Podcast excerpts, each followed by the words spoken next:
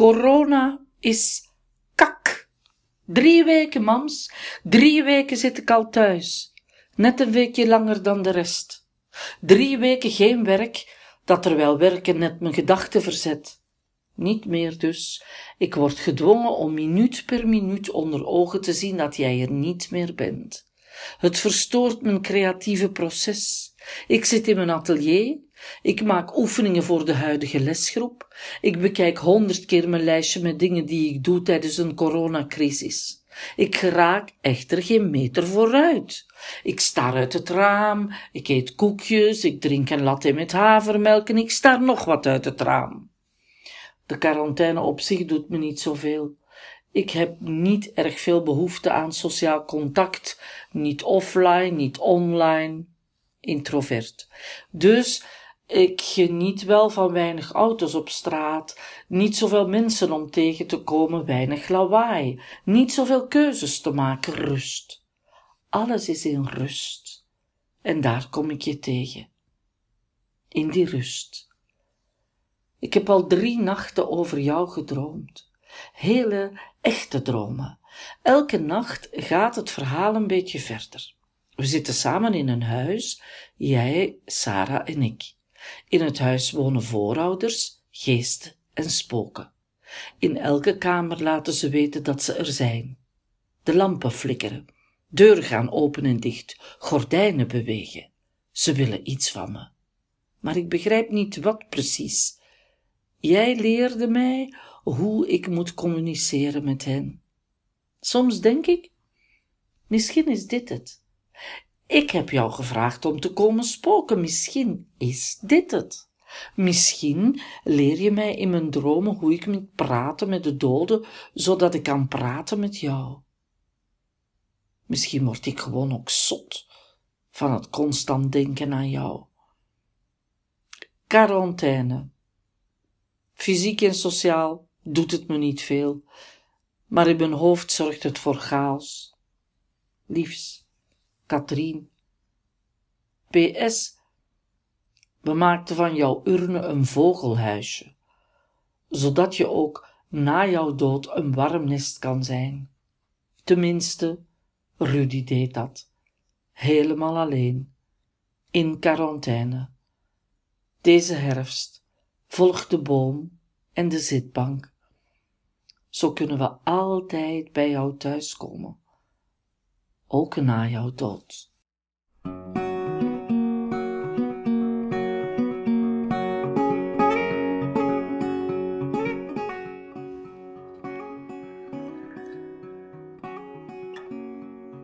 Ik denk niet dat ik um, iets stom zeg als ik zeg dat we die hele corona-lockdown, die eerste lockdown tenminste, dat dat echt een uh, hel was. Omdat ik niks te doen had. Absoluut niks.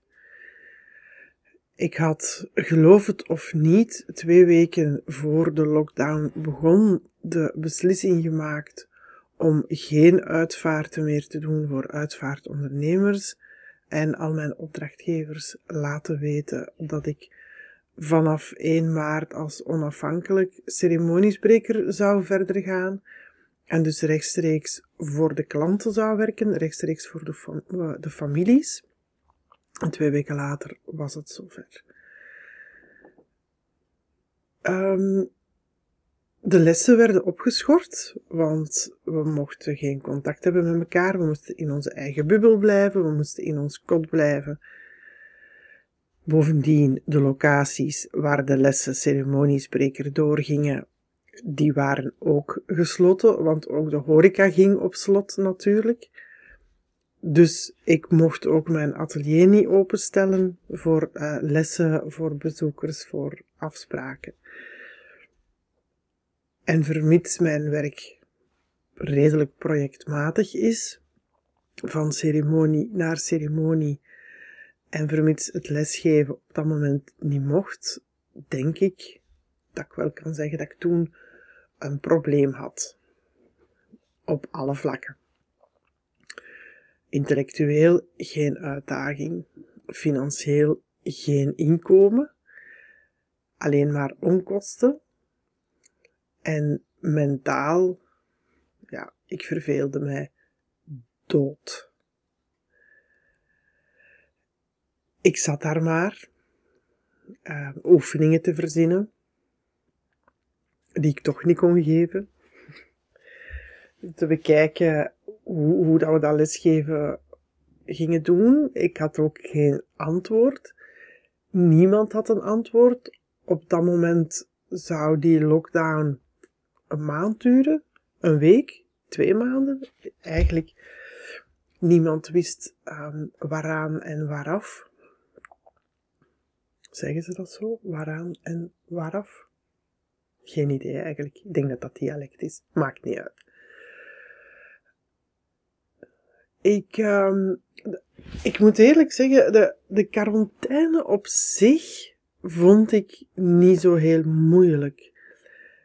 Ik, um, ik kan heel goed alleen zijn. En ik geniet ook echt van het alleen zijn. En ik vond het fantastisch om s'morgens om zeven uur naar mijn atelier te fietsen. Op dat moment had ik beslist dat ik toch wel echt terug naar mijn atelier ging.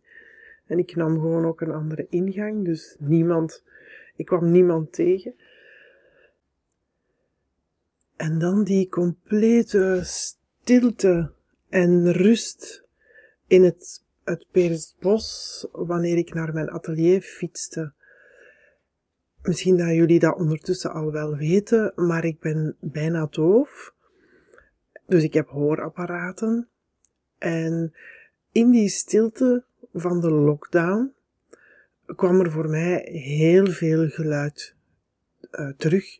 Gewoon omdat er geen ruis was. Er was geen achtergrondgeluid van auto's, van vliegtuigen, van mensen, van werken op straat. Al dat lawaai was weggevallen. En dat zorgde ervoor dat wanneer ik in het bos was, dat ik bijvoorbeeld de vogels terug hoorde fluiten. Vorig jaar, drie jaar terug tenminste, zaten we ook aan het begin van de lente.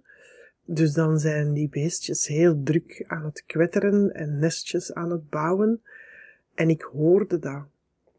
En ik weet dat ik daar voor moest huilen. Ik om moest huilen. Het, het besef dat mijn handicap of mijn beperking, dat die deels ook getriggerd werd door omgeving en niet alleen door de beperking in functioneren van mijn oren. Dus ik was niet zo heel erg ongelukkig met die quarantaine en uh, met die lockdown.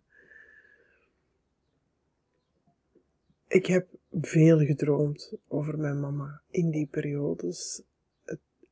Chris heeft het ook al gezegd in de brief.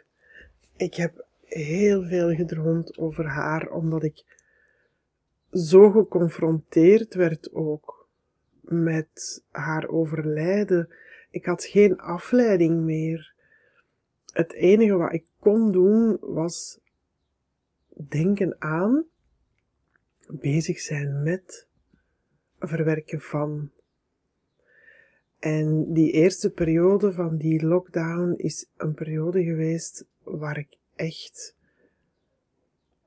um, hoe ga ik dat zeggen? Oh, waarin ik dat ook echt heb gevoeld. Um, ja, het kon gewoon niet anders. Het kon gewoon niet anders dan ik had gewoon niks te doen. Ik had niks, niks anders dan, dan voelen wat dat, dat met mij deed. En als ik daar nu op terugkijk, drie jaar later, dan denk ik, ben ik er nog altijd niet over, over uit. Ik ga het zo zeggen. Drie jaar later ben ik er nog altijd niet over uit of dat nu goed is of slecht is. Als dat al een goed of slecht moet hebben natuurlijk. Hè.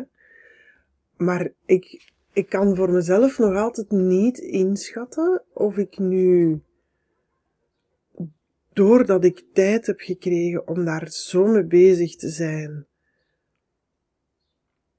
um, snellere stappen in het rouwproces heb gezet, of dat mij dat de kans heeft geboden om daar dan echt diep in te duiken, waardoor ik er sneller, uh, waardoor ik sneller terug naar de toekomst kon kijken. Of dat het feit dat ik er moest induiken op een moment dat ik er misschien emotioneel nog niet klaar voor was, ervoor heeft gezorgd dat ik nu, drie jaar later, nog altijd heel erg bezig ben met haar overlijden. Ook al heb ik bewuste keuze gemaakt om mij te richten op de toekomst en op wat er nog wel is. En om vooral heel veel te houden van de mensen die er nog wel zijn. En niet meer al mijn liefde en aandacht te geven aan de mensen die er niet meer zijn.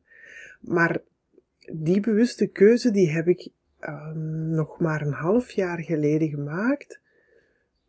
Toen ik, um, ik volg zo de verhalen van de ontembare vrouw van um, Estes.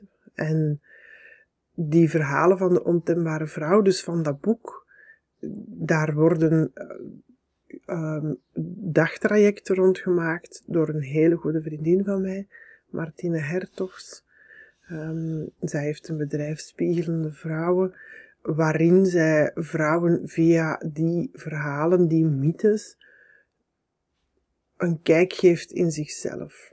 En dus nog maar zes maanden geleden heb ik tijdens zo'n dag, waarin dan zo'n verhaal wordt gebruikt als introspectie en als, als visualisatie, tijdens zo'n dag heb ik dat daar pas beseft dat ik nog altijd heel erg gericht was op het verleden en dat ik mijn liefde gaf aan mensen die er niet meer waren. Dus ik weet niet goed voor mezelf hoe ik dat moet interpreteren. Ik weet ook niet of ik dat moet interpreteren, maar dat zijn dan wel dingen waar ik uh, wel eens van durf wakker te liggen of waar ik wel eens mee bezig durf te zijn. Tijdens uh, bewaakte en onbewaakte momenten. Um, dus ja, de, wat ik wel weet is dat ik de lockdown zelf, wat ik vreselijk vond aan die sociale quarantaine, dat is dat ik dan wel alleen door dat rouwproces ben moeten gaan. Um, dat ik niet de mogelijkheid had om dingen te delen met mijn zus of met uh, Rudy of dat ik niet de mogelijkheid had om op momenten dat ik mij echt niet goed voelde, um, een WhatsAppje te sturen naar de vriendengroep van zullen we vanavond op café gaan of heeft er iemand zin om af te spreken. Dat is iets dat ik, dat ik wel heb gemerkt later dan, dat dat een, een groot gemis is geweest. Dat ondanks het feit dat ik goed alleen kan zijn, dat op die momenten dat ik mensen nodig had en het niet, niet kon, dat mij dat wel heel erg veel um, pijn en frustratie en um, uh, woede against the establishment heeft opgebracht of opgeleverd. Maar ja, de coronaperiode, goh, ik denk dat die voor iedereen die op dat moment een levensingrijpende ervaring had, zo'n periode is van, ja, wat moeten we daar nu mee? Ja. En ik denk dat er tot op de dag van vandaag nog altijd heel veel mensen zijn die misschien toch niet altijd, of nog niet altijd dingen hebben verwerkt zoals het anders zou geweest zijn als um, er geen virus zou geweest zijn dat ons overspoeld had. Maar dat is iets dat we nooit zullen weten, natuurlijk. Ik, uh, zie en hoor en uh, luister jullie graag volgende week terug. Bye bye.